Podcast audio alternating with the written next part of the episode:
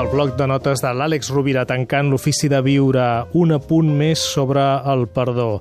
Un apunt a partir de la visió personal de l'Àlex. Àlex, com estàs? Molt Ben bé, retrobat. content d'estar amb vosaltres un altre, un altre cop. Tu creus que el perdó necessita dosis de voluntat?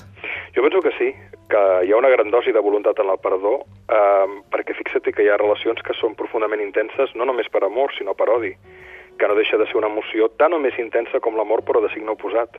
I, per tant, l'odi és un compromís emocional verinós que ens manté vinculats a la persona odiada.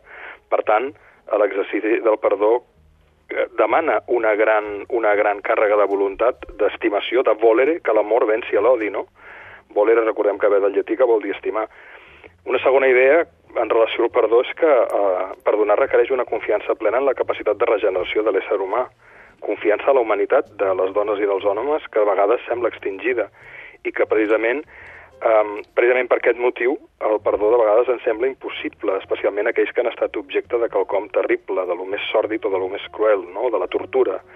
Per tant, qui és capaç de perdonar eh, neteja no només amb el seu perdó el seu dolor, sinó que obre les portes a escenaris de reconciliació inimaginables. Mirem els casos de Gandhi o de Mandela, no?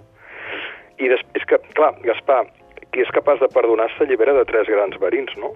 El de l'odi, el del ressentiment i el de la set de revenja, que són tres àcids terribles que ens van, van menjant a la pròpia persona que no és capaç de perdonar, quan, amb la qual cosa el dolor de l'ofensa s'afegeix al patiment que generen aquests tres tòxics, no?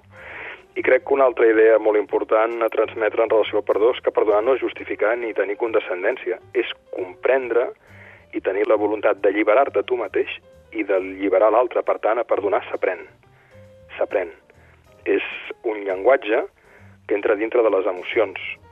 Uh, I en aquest sentit, el perdó no s'aprèn des del gran discurs, sinó des de l'observació dels adults per part dels infants, quan són capaços de passar pàgina des de la consciència, potser no des de l'oblit, però per la reconciliació.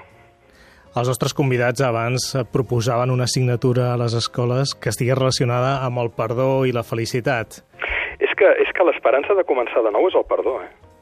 És l'únic gest que ens dona la possibilitat de posar la compta a zero i de tornar a obrir camins on semblava que no hi havia opció de fer-ho.